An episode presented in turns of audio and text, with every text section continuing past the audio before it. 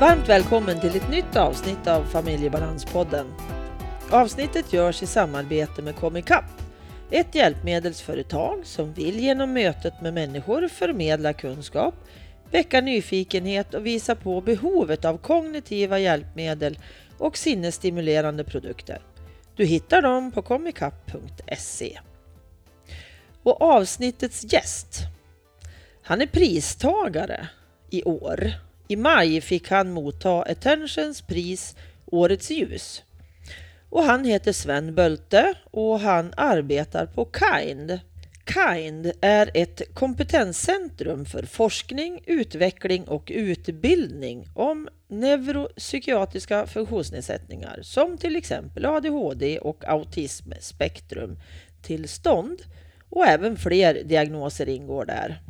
Och vi pratar om MPF i stort i det här avsnittet och vilka i vårt samhälle som behöver öka sin kunskap om då just ADHD, autism, Tourettes, språksvårigheter och så andra diagnoser såklart inom MP-området.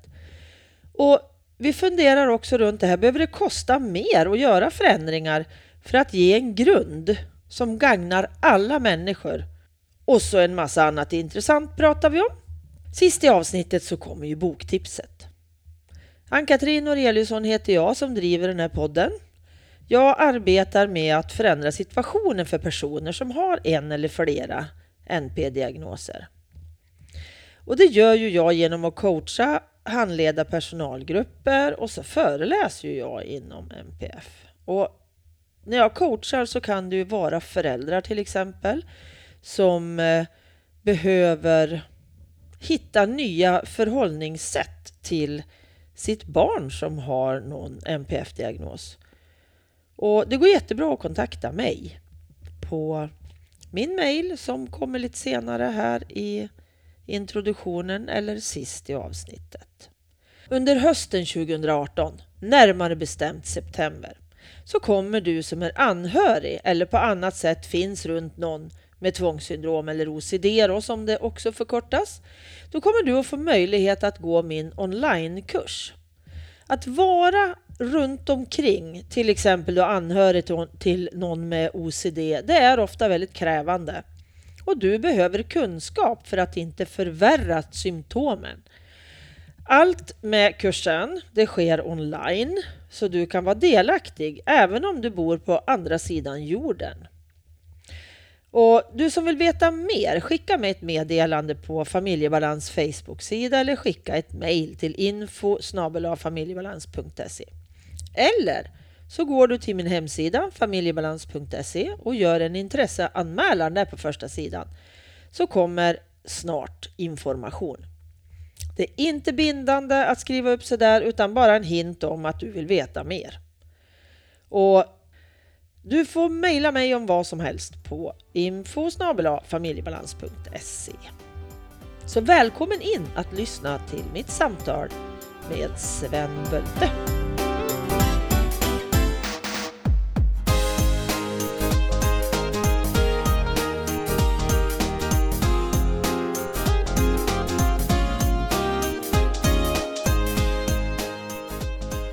Hej Sven och jättevälkommen till Familjebalanspodden.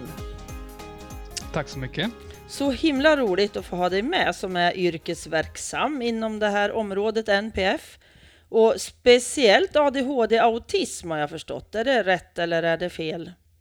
Det stämmer, men vi um, gör lite bredare, alltså mm. hela neuropsykiatriska området. Uh, vi pratar ju mycket om autism och ADHD, men det är ju bredare. Ja. Det inkluderar också um, ja, eh, kognitionshandikapp och språkstörningar mm. och uh, Tourettes syndrom och, och språkstörningar och um, hela, hela mm. området.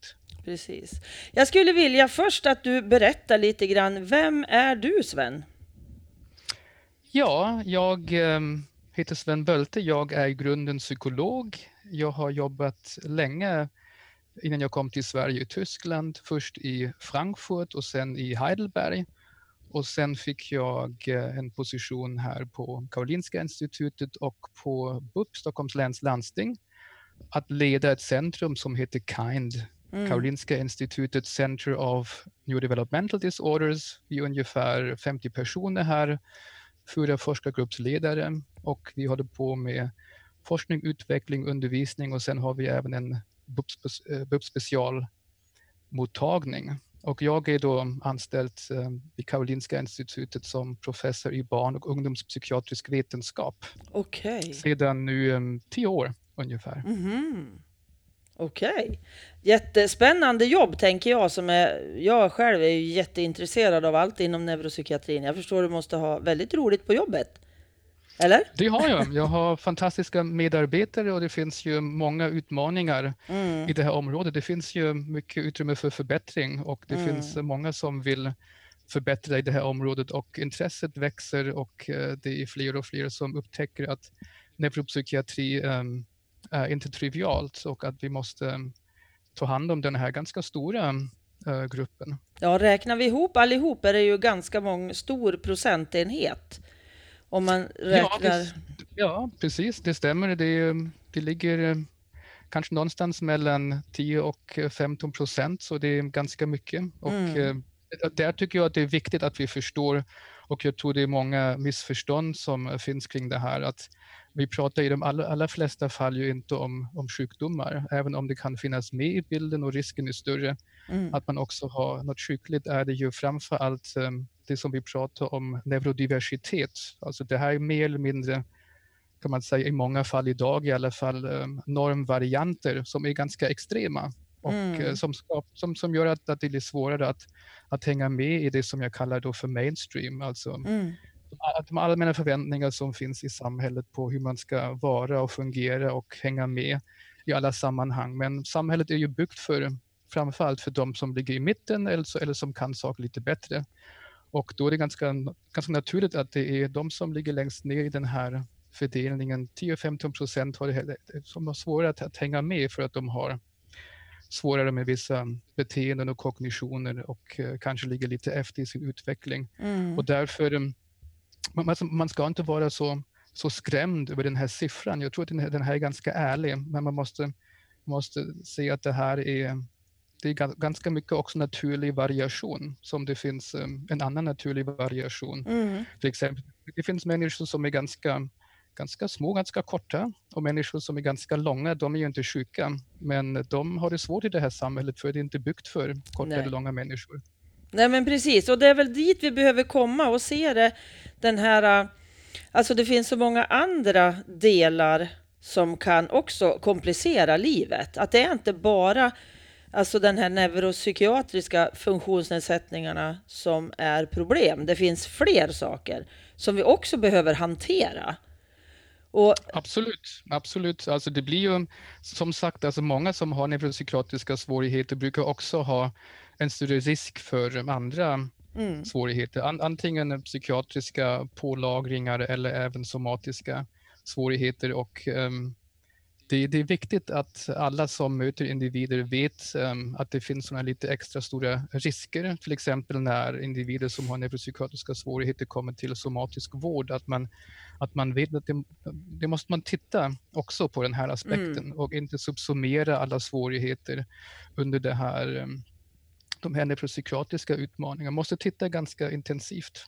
Eh, mm. Men man ska inte, inte för det överpatologisera till exempel då autism eller ADHD och försöka också förstå att det finns ganska mycket, ja det finns ganska mycket vanliga människor ja, bakom men allt precis. det här. Ja, och jag tänker också det här när du säger att, eh, att det är fler som behöver, för jag tänker, om jag börjar om lite där. Mm. Det här med, alltså ofta har det ju varit så att vi tänker att vi får en utredning. Utredningen är klar, det visar sig att det är någonting inom MPF, ADHD eller autism. Och för ett antal år sedan då trodde vi inte ens att en person kunde ha både ADHD och autistiska drag eller autism. Alltså det för 15 år sedan var ju inte det jättevanligt att man trodde det. Och utvecklingen, alltså det går ju snabbt framåt nu tycker jag. Att vi, behöver, vi börjar ju förstå att det här är så mycket bredare än vad vi har fattat. För, och när mina barn då utreddes för 20 år sedan, då var det väldigt låg kunskap. Men idag har ju kunskapen blivit mycket större. Och just det här att det, det räcker inte med en utredning och veta vad det är. Utan det är där det börjar, tänker jag. Efter ja, jag utredningen. Håller, jag håller helt med. Alltså idag är ju, alltså framförallt är idag ju Alltså först måste man vänta ganska länge och sen när man mm. kommer dit är det ju för det mesta en utredning mer eller mindre att man kollar av om en individ uppfyller diagnoskriterier för en diagnos. Mm. Och um, för det första behöver man egentligen göra en ganska mycket bredare ut, alltså utredning. Man måste titta på vilka svårigheter och styrkor och möjligheter finns uh, i allmänhet, alltså in, inom hela, neurops hela neuropsykiatriska området och kanske även på andra ställen. Mm. Och man, man skulle kunna förvänta sig att, att uh, en mottagning då inte bara tittar på en enda diagnos utan lite bredare.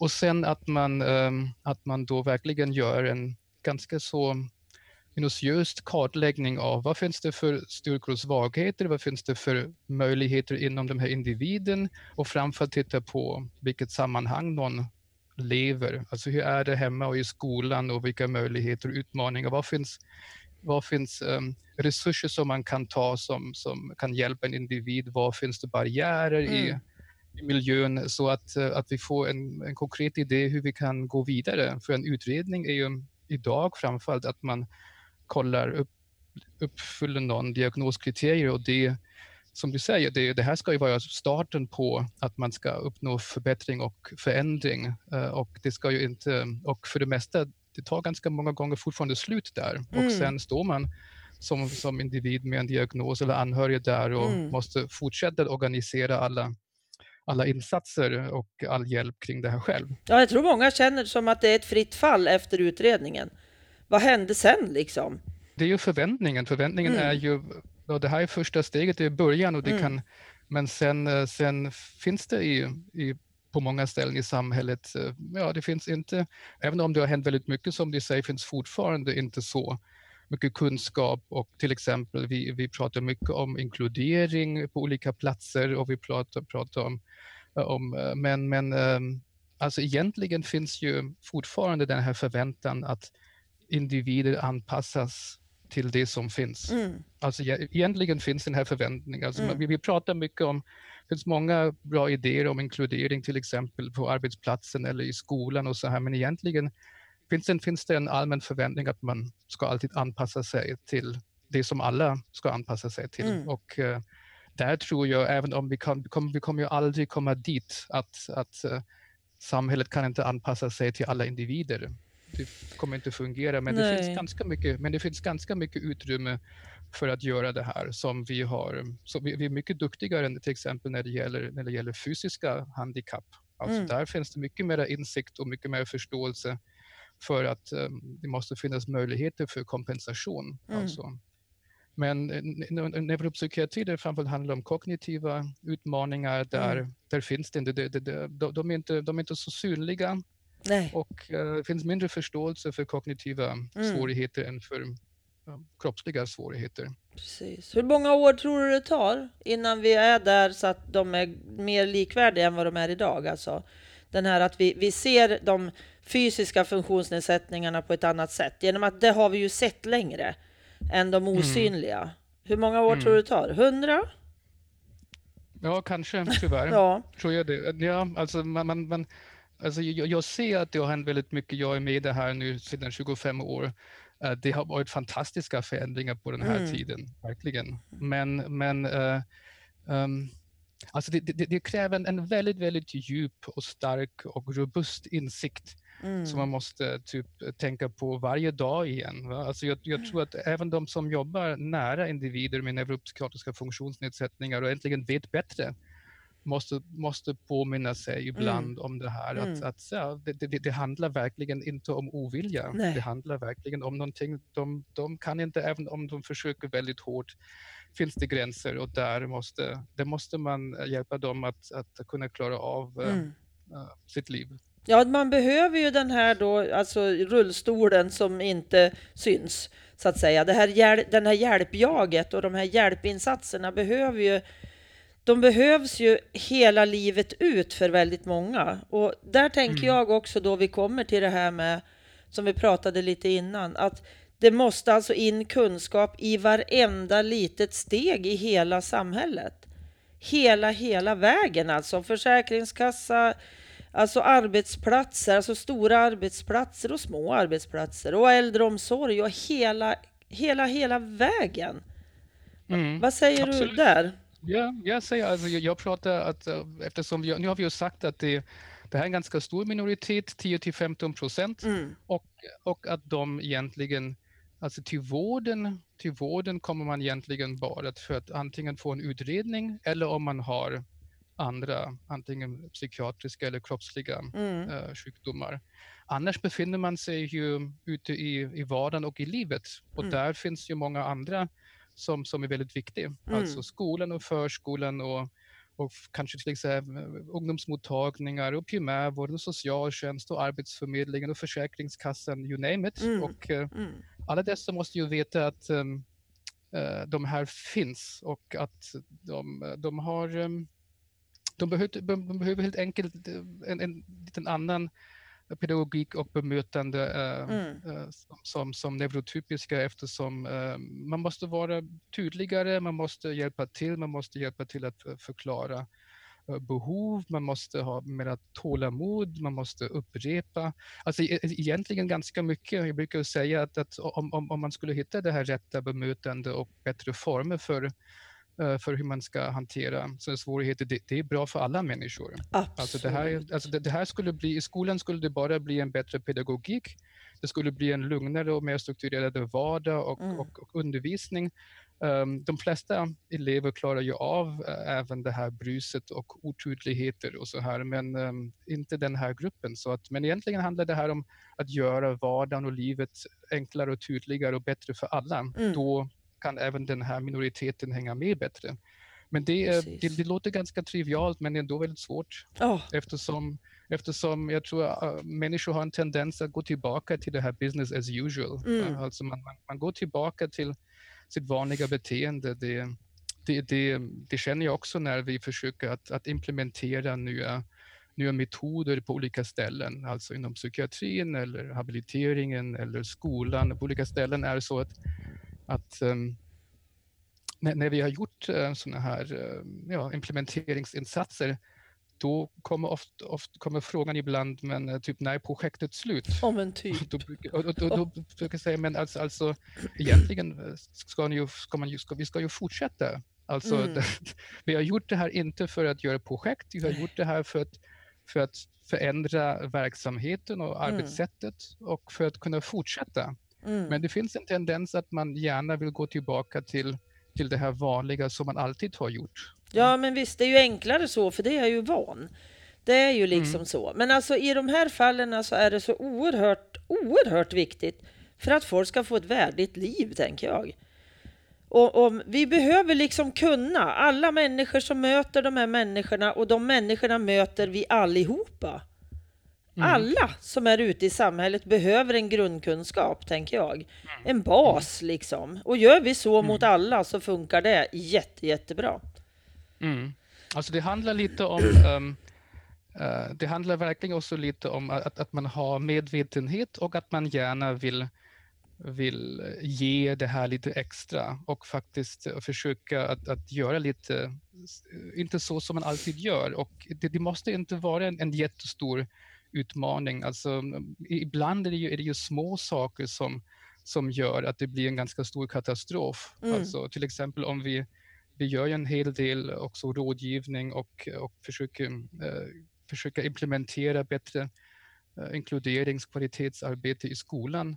Och vi vet ju att det finns saker i skolan som jag tycker ibland, det borde inte vara omöjligt att ändra på det här. Till exempel att det finns möjligheter för individer som har svårigheter att, att inte behöva verkligen vara ute bland alla andra när det är rast Nej. att man kanske, att man kanske kan, ehm, att det finns lugna rum, att man, eh, att man kanske kan ha lunchrast där man inte måste typ, tränga sig igenom hundratals andra elever och det, det är högljutt, man har bara 20 minuter, det knuffas och det Mm. retas.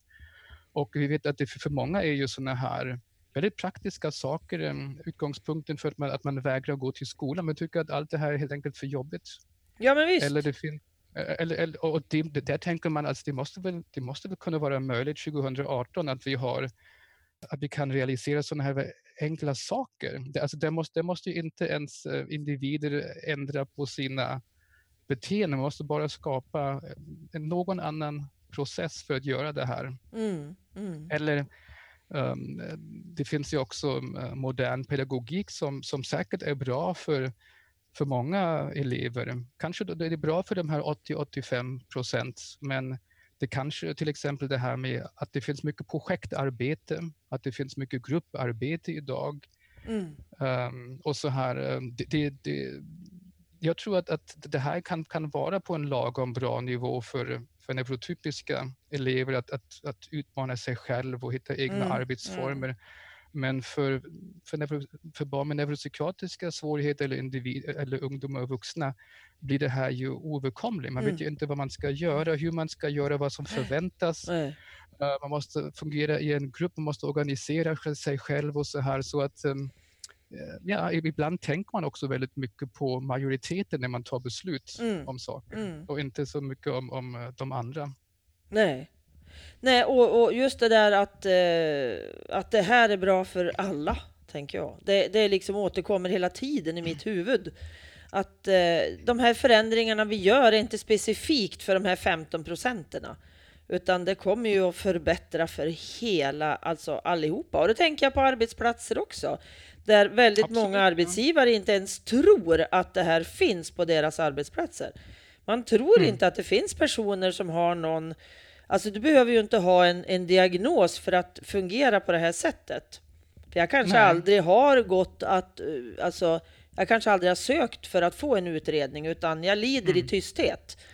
Mm. Och det skulle kunna göra det så mycket bättre för alla. Mm. Hur fikarummet mm. ser ut, hur lunchrummet ser ut, alla, alltså ganska enkla saker som du sa nyss. Mm. Alltså, um, vi, vi, har gjort en ganska stor undersökning tillsammans med kollegor från Australien och från USA. Där det handlar framförallt uh, om uh, hur kan man få flera individer med neuropsykiatriska diagnoser eller svårigheter i, i arbetet. Och, um, där kommer till exempel fram, alltså å ena sidan kommer fram det här som du säger, alltså på arbetsplatsen finns det till exempel ganska stort tryck att man ska vara social, man ska mm. vara med på fikaraster mm. och uh, allt det här. Um, det här är säkert saker som, som uh, man borde kunna um, diskutera och, och uh, om det skulle finnas en medvetenhet för att det finns säkert individer på arbetsplatsen som har neuropsykiatriska svårigheter. Det borde vara möjligt att hitta arbetsformer som, som fungerar. Och det kanske även andra neuro, neurotypiska människor mm. säger, men jag skulle också gärna ibland vilja ha utrymmet att faktiskt inte gå till fikarasten utan att man tänker märkligt om mig. Mm. Uh, och sånt. Uh, och, men det kommer också fram i den här undersökningen att um, det är, det är, väldigt svårt fortfarande, framförallt som vuxna, att, att faktiskt berätta på sin arbetsplats om sin diagnos. Mm. Och det, det, det, det, det, där finns det Alltså arbetsgivare vill ju gärna veta om någon har en diagnos. Mm. Bara för att, alltså, alltså, inte nödvändigtvis för att kanske inte ge arbete, det får man ju inte göra heller, men bara för, för, för att ha den här medvetenheten, kanske för att skapa bättre förutsättningar på arbetsplatsen. Men det finns fortfarande väldigt många som, som fruktar mm. att det blir nackdelar mm. om, man, om man pratar om sin diagnos och det, det, det blir ju nackdelar fortfarande. Och det är det vi måste så. komma förbi på något vis, tänker jag. Ja, precis. Alltså den här, alltså det, det har ju blivit lite mindre stigma uh, mm.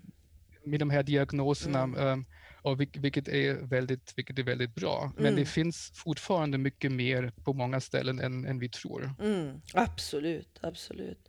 Men for, och fortfarande tänker jag, det finns ju massor av människor som snackar om att det här är en modefluga. Alltså det här, det, det, alltså vi, det är ju vi föräldrar eller andra eller vem det nu är som ser till så att det blir så här. Vad mm. säger du då när någon säger så till dig? Det är ju bara en fluga, det här är ju borta snart. Ja, alltså man har ju, alltså det, det är alltid frågan uh, vem, vem, alltså vem som säger det här och vi vet ju att det finns i det här området finns det ju många självutnämnda experter mm. som går också via, via känsla eller det finns, jag märker också att det finns ibland väldigt mycket så här nästan lite typ, eh, ja, religiösa tankar kring Mm. allt det här och såna här konfessionella ideologiska tankar där man, där man inte alls är intresserad av, av vad, forskningen säger eller, vad, vad även individer som har en diagnos och deras anhöriga säger, men man har bara en väldigt stark attityd. Så, så att för, för det första finns det väldigt mycket forskning och den här forskningen finns sedan ganska länge. Sen tror jag att ganska mycket beror på det här att, att man inte, att man, att, att man har idéer om eh, om, om psykiatri, man har idéer om mental hälsa som, som, är, ganska, som är ganska allmänna. Och där Mm. står neuropsykiatri eh, som, som, som extremt, mest extrema varianten. Mm. Alltså till exempel om man, även, till exempel även inom, inom medicinsk område är det ju så att, att psykiatrin har en ganska låg status. Och sen har även inom psykiatrin, neuropsykiatrin, den, den, den, lägsta status. Mm. Och så länge till exempel det är så här, ehm, ehm, det, det finns även in, inom medicinsk område faktiskt, eh, finns säkert läkare och psykologer som tvivlar väldigt mycket på de här diagnoserna. Så det finns alltså även inom, inom bland experter Mm. eh, personer som tvivlar.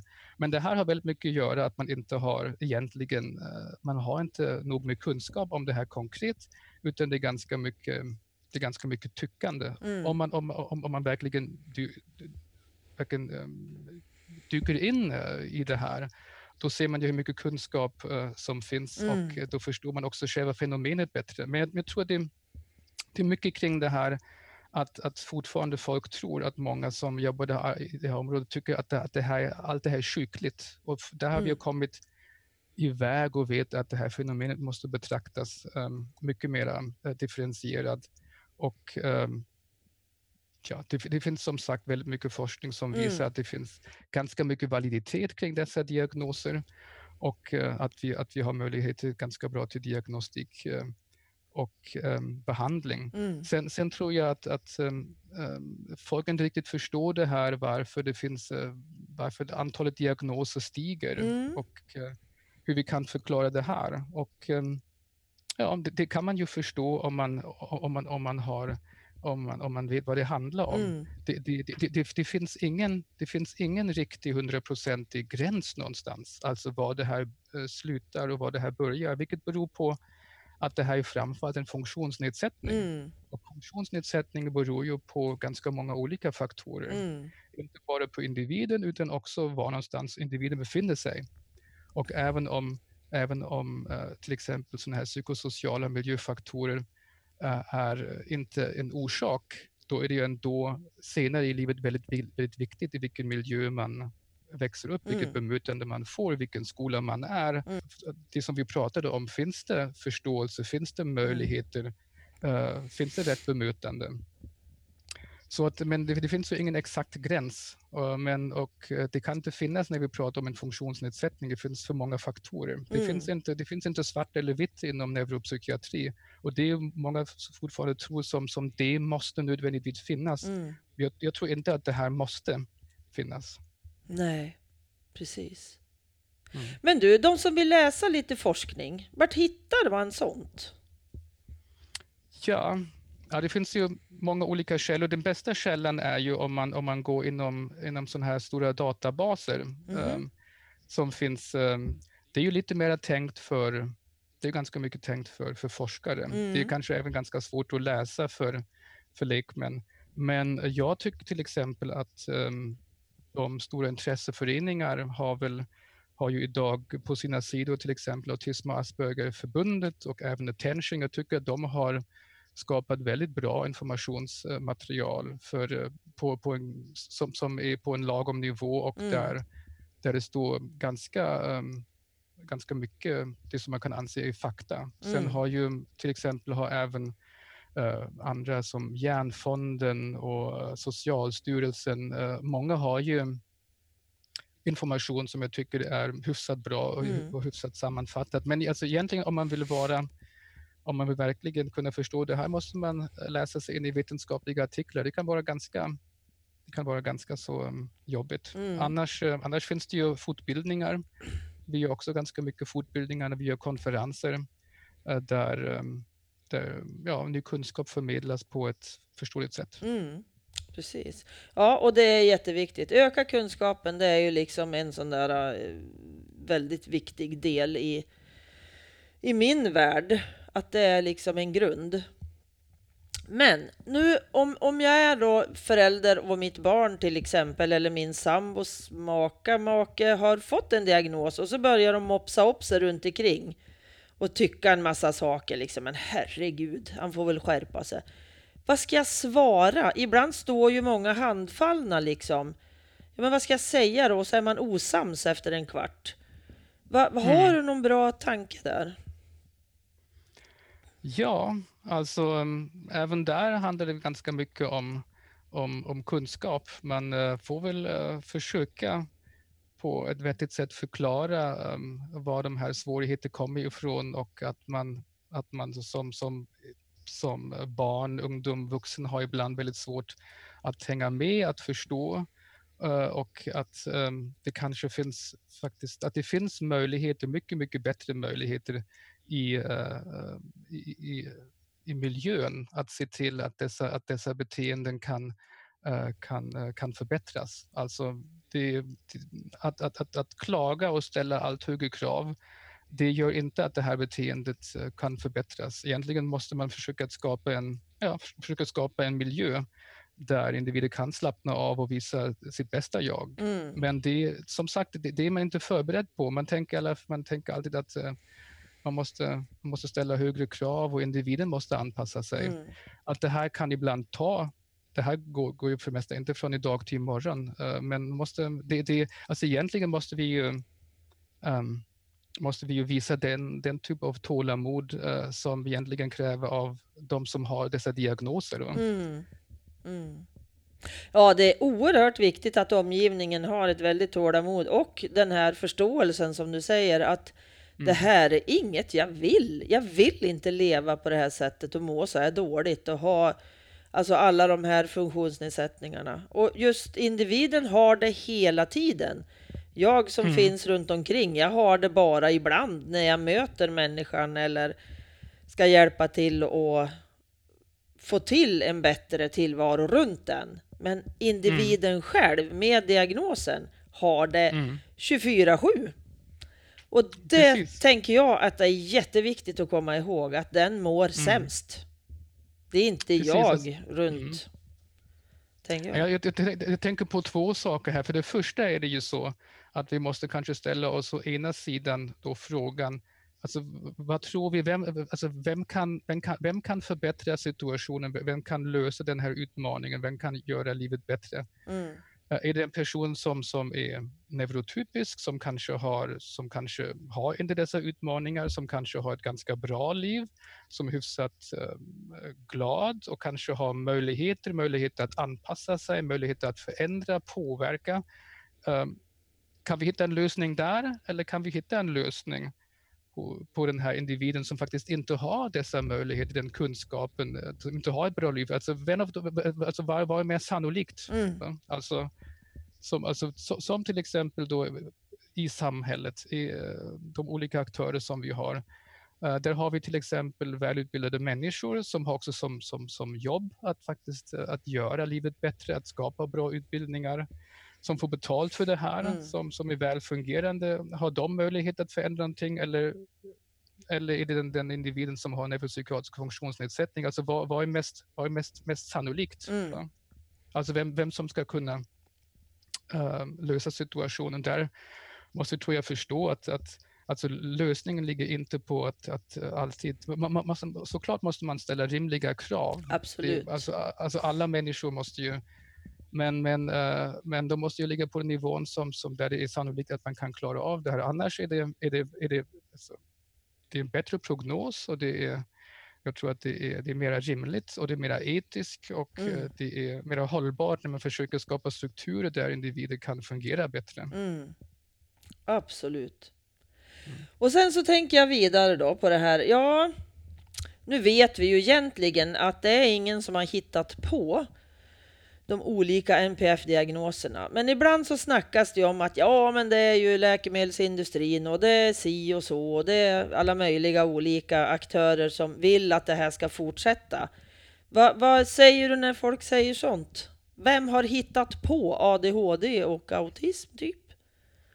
Alltså det har, ju, det har ju ingen hittat på. Man kan ju, man kan ju, man kan ju föra en diskussion och det görs ju också, mm. hur vi ska bäst förstå det här fenomenet. Mm. Alltså det, det tycker jag det är en ganska viktig diskussion. Mm. Uh, hur, ska vi, hur ska vi bäst förstå det här? Man har ju kommit, som sagt, man har kommit, man har försökt att att förstå det här på olika sätt. Idag är vi där vi är, det vill säga okej, okay, alltså, vi ska inte prata om sjukdom, vi ska prata om funktionsnedsättning, vi ska framförallt prata om neurodiversitet och så här. Men um, att, uh, att det finns en sån här konspirationsteori kring läkare, psykologer och kliniker och läkemedelsindustrin, alltså det, det är det absolut mest absurda som finns. För det första är det så att man inom psykiatrin tror jag man, alltså alla som jobbar inom psykiatrin tycker att det är, det är andra också i samhället som måste ta mer ansvar för det här, för att bygga kapacitet. Alltså mm. Inom psykiatrin vill vi ju helst Eh, se människor um, som verkligen har psykiatriska svårigheter. Eh, uh, individer med funktionsnedsättning ska egentligen kunna, kunna leva ett, ett hyfsat bra liv uh, i samhället. Man ska Alltså funktionsnedsättningar ska inte nödvändigtvis leda till att man kommer till psykiatrin. Så egentligen tycker vi att, att vi ser mer och mer individer som har egentligen i grunden funktionsnedsättning som borde kanske inte nödvändigtvis behöva komma till psykiatrin om man skulle kunna hantera dessa utmaningar på en lagom nivå på annat ställe. Det, det, det, är, ju, det är ju en sak. Det andra är att um, när det gäller förskrivning av läkemedel är det så att um, de flesta läkare som som eh, jag känner som jag har jobbat med är faktiskt hyfsat kritiska mot mm. läkemedelsindustrin mm. och man har ganska distanserat eh, förhållande till dem. För att man vet att uh, det, här, alltså det här är vinstdrivande företag mm. och de, de måste för, försöka sälja sina produkter för att kunna överleva. Uh, uh, det, det ligger i systemet. Alltså om, om det så här, så här skulle vara statliga företag, då kanske det vore kanske lite annorlunda, men det här är ju Eh, de, de måste driva utveckling, de måste sälja sina läkemedel. Mm. Men uh, å andra sidan är det ju läkare som förskriver, så det, det är inte de som, som kan bestämma hur mycket som förskrivs. Um, sen, kan man ty sen tycker jag, jag att, att faktiskt forskningen som görs av läkemedelsföretag, jag har varit också involverad i olika uh, kliniska prövningar, de är faktiskt, de håller ganska hög nivå. Mm. Alltså, de, de håller en hyfsat väl hög vetenskaplig nivå. Mm. Uh, och när man ser, um, när man ser uh, att um, till exempel om vi pratar om metylfenidat som förskrivs ganska mycket, eller amfetaminer, eller, eller atomoxetin till exempel som förskrivs ganska mycket inom ADHD, då är det så att um, de här är ganska, de här är helt enkelt för, en hel del individer ganska effektiva hjälpmedel. Mm. De, är, de är hyfsat enkla att, att ta. Mm. De är ganska, de är, de är samhällsmässigt, de, de, är inte, de är inte extremt dyra. Och uh, det finns ganska många individer som har till exempel svårigheter inom ADHD-området eller kanske även då anhöriga. Det är kanske det enda som man orkar med att mm. göra. Alltså många andra insatser betyder väldigt, väldigt mycket extra. De betyder att man måste komma någonstans, man mm. måste gå dit varje dag, man måste jobba väldigt extremt hårt med, med, med, med sin vardag och så här. Alltså allt det här extra utmaningar. Mm, um, mm. Och faktiskt ta en tablett ibland det enda som man orkar med. Mm. Alltså, så att um, det, är, det är bra att vi, att vi diskuterar kritisk läkemedelsförskrivning och så här eftersom som sagt läkemedelsföretag de är ju vinstdrivande företag. De, gör det, de, de, de säljer inte för att de är goda människor.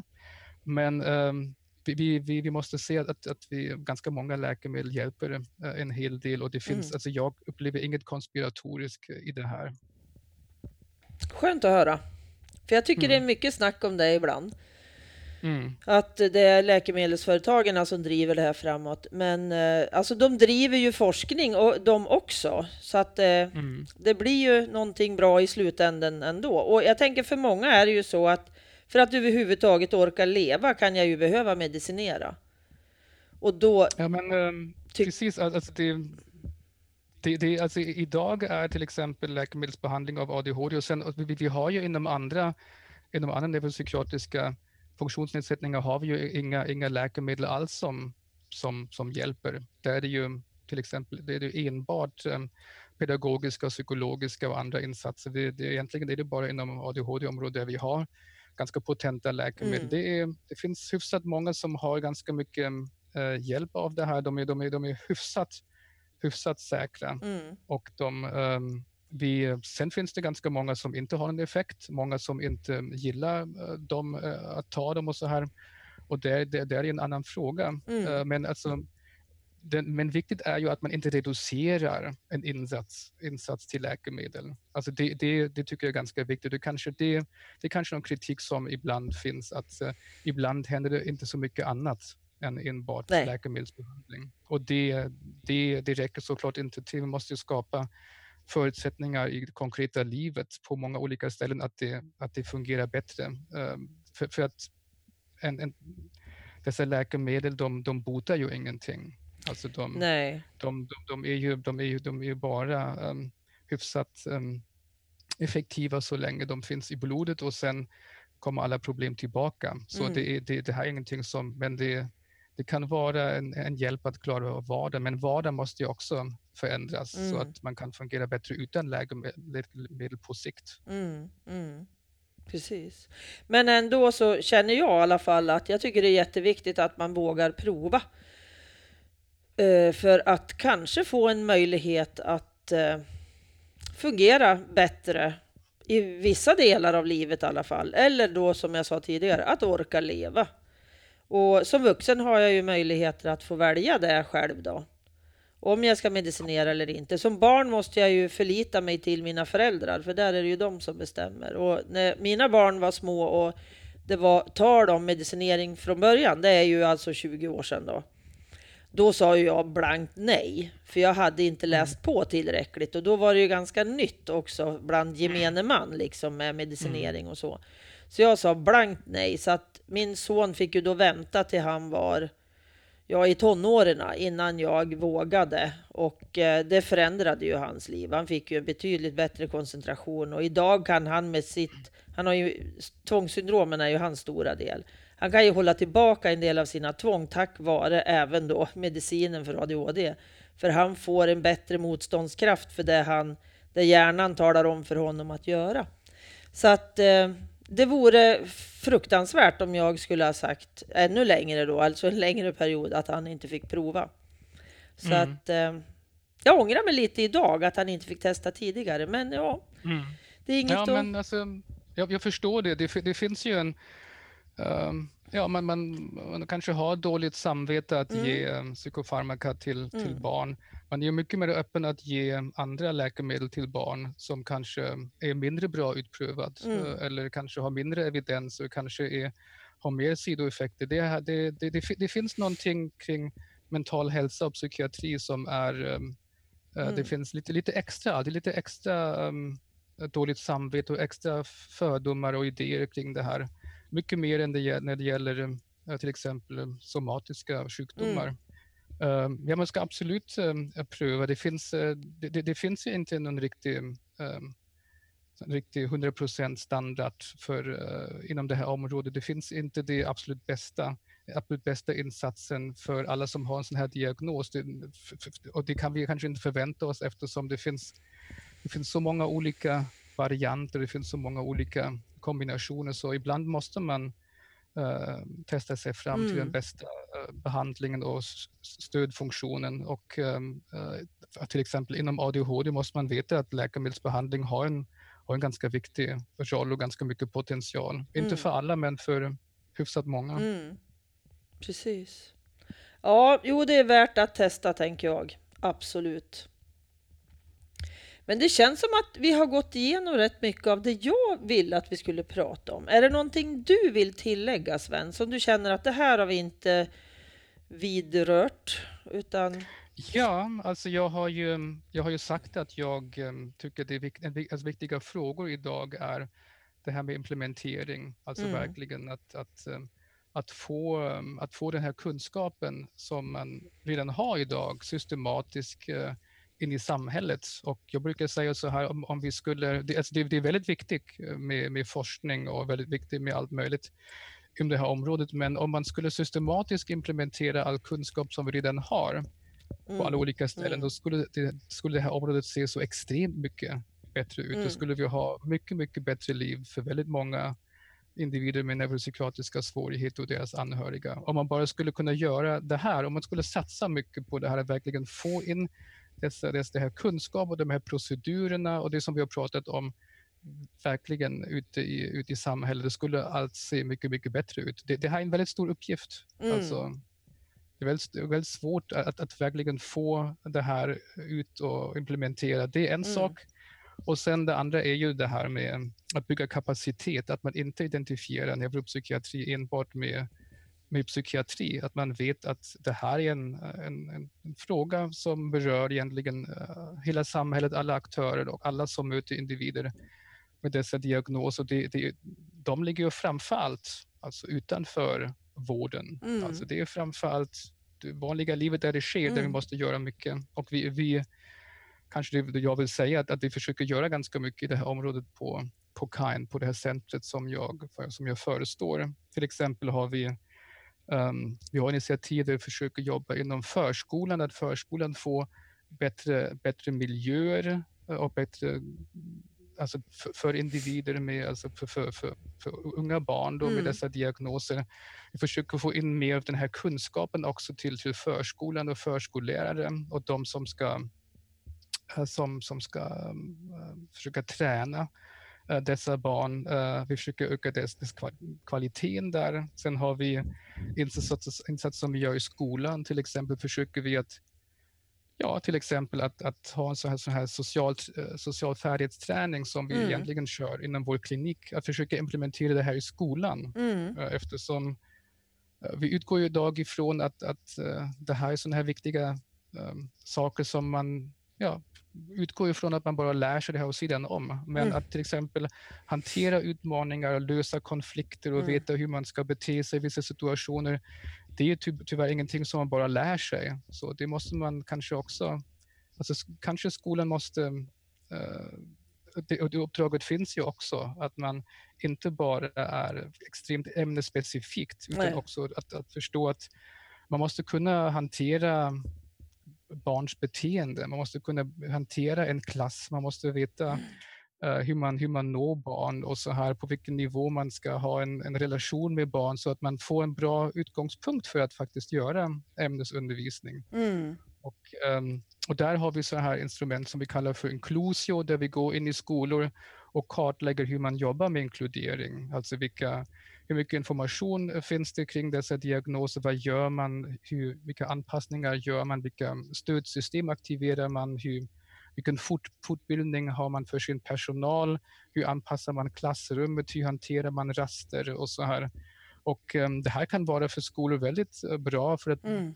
bara, för, bara för, för att få lite mera medvetenhet var man befinner sig någonstans, vad man, vad man gör och inte gör. Mm. Mm. Och ehm, det, det finns ju överallt finns det ju många människor som gärna vill förbättra och göra Mm. något bättre, men kanske får aldrig tiden eller, eller kanske får, får inte draghjälp med det här eller, eller det finns en, en vardag som, som inte tillåter att man ägnar sig att göra något annat än det vanliga.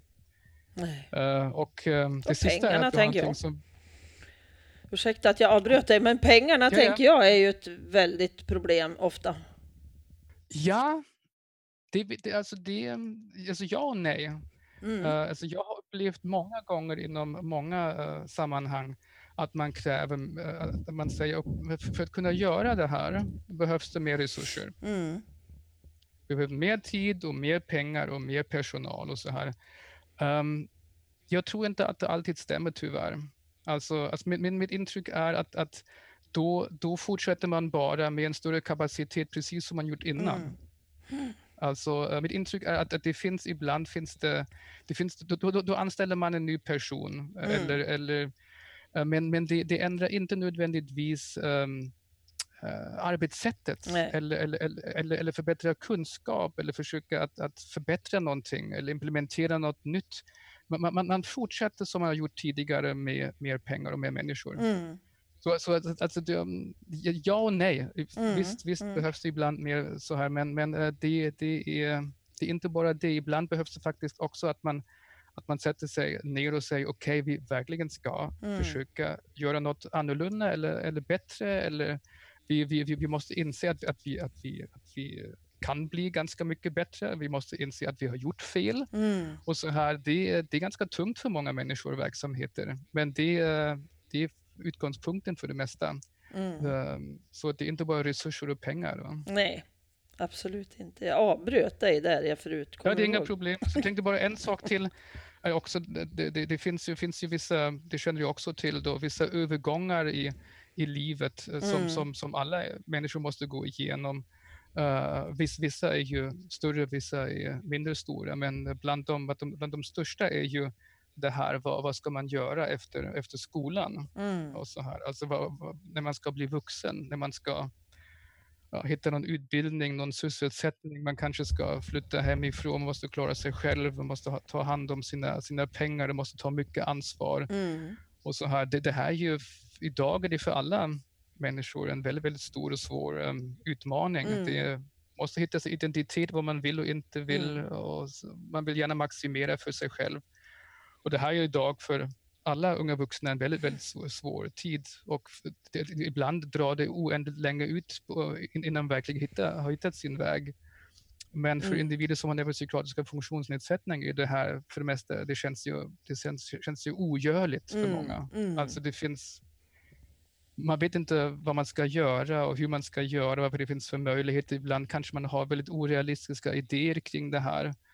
Sen, eh, sen mycket förståeligt eh, är också det här en väldigt tuff period för, för anhöriga. Mm. Eh, Alltså, kan man släppa sitt barn? Ha- Har man förtroende att den, att den verkligen kan, kan klara sig själv? Och om det finns stödfunktioner, vilka som finns.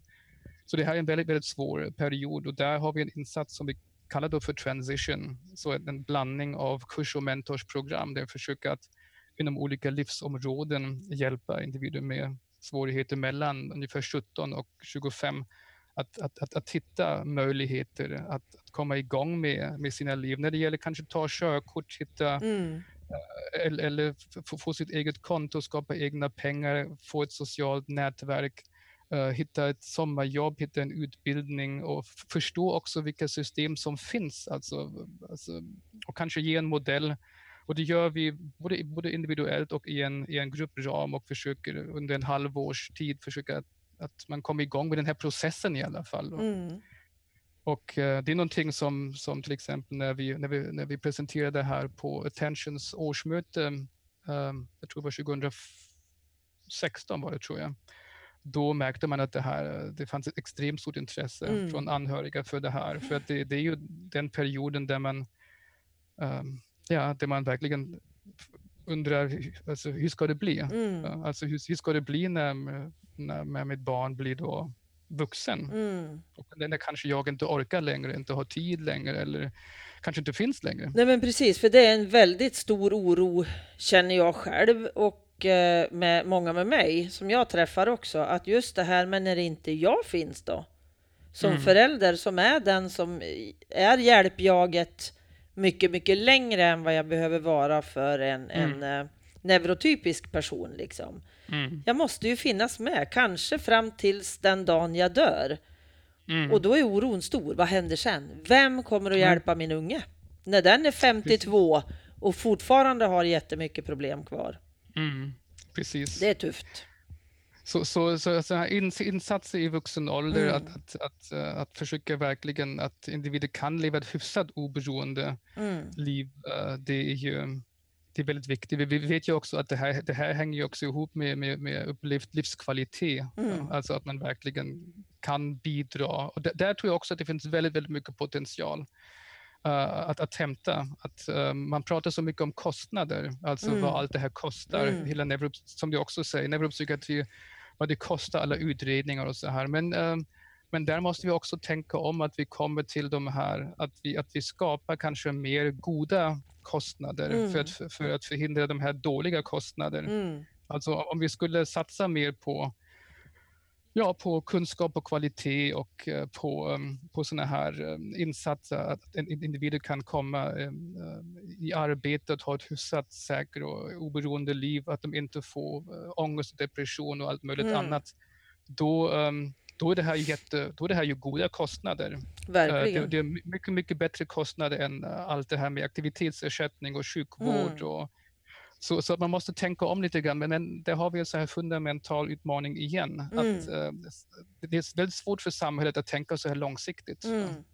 Det är det. Alltså att tänka så här långsiktigt. Kan vi satsa tidigt mycket pengar så att vi, mm. har, att, att vi inte måste göra det här senare för fel saker mm. och det kanske kostar ännu mer och vi har olyckliga människor. Mm.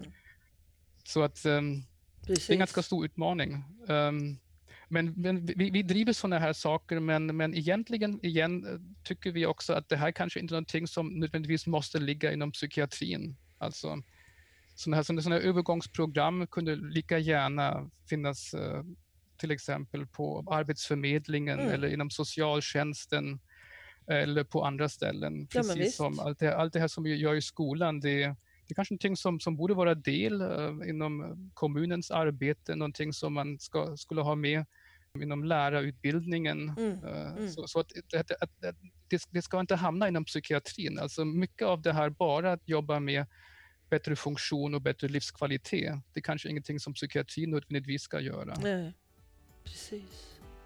Jag tror det får bli slutordet. Yes. För oss. Så jätte, jätte, jätte tack Sven att du var med. Det här Varsågod. var väldigt intressant att få lyssna till dig. Så jag säger tack till dig och tack till de som lyssnat. Tack så mycket.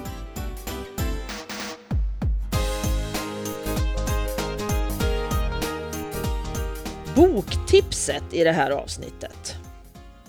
Boken heter Ta kommandot över din ADHD och det är Russell A. Barkley som har skrivit den tillsammans med Christine M. Benton. Och på baksidan så står det så här, eller först så ska jag läsa lite vad som står på framsidan. Det här är en bok jag har själv som jag tycker är jättebra. Det är råd från den världs... En, råd från världsledande ADHD-expert står det på framsidan. Natur och kultur är det som har gett ut boken. På baksidan står det så här. Vad är egentligen ADHD? Hur är det att leva med diagnosen som vuxen? Och vilka verktyg finns det för att skapa ordning och struktur i vardagen? Russell A. Barkley är en av världens mest framstående forskare inom ADHD. I denna vetenskapligt baserade och praktiska manual presenterar han strategier för hur du som har ADHD kan bygga upp dina styrkor. Han beskriver tekniker som du lätt kan lära dig för att hantera viktiga livsområden som relationer, arbete, hälsa och ekonomi. Steg för steg vägleds du till att utveckla färdigheter som ökar möjligheterna att styra livet i den riktning som du vill. Du får också svar på vanliga frågor om ADHD, mediciner och annan behandling som finns, varvat med många exempel som ger igenkänning och inspiration. Boken riktar sig till dig som har fått diagnosen eller tror att du har ADHD. Även närstående och vårdpersonal kan ha stor nytta av boken som är en omistlig källa till förståelse och kunskap om ADHD hos vuxna. Tack för att du lyssnat! Tack till Pelle för musiken, till Pernilla som fotade, till Marcus som fixade poddloggan och till Anders för att du redigerar mitt prat. Och tack till Comicap för samarbetet. Lämna gärna en recension på Familjebalanspoddens Facebook-sida. Det är det som gör mig jätteglad. Hoppas vi hörs igen.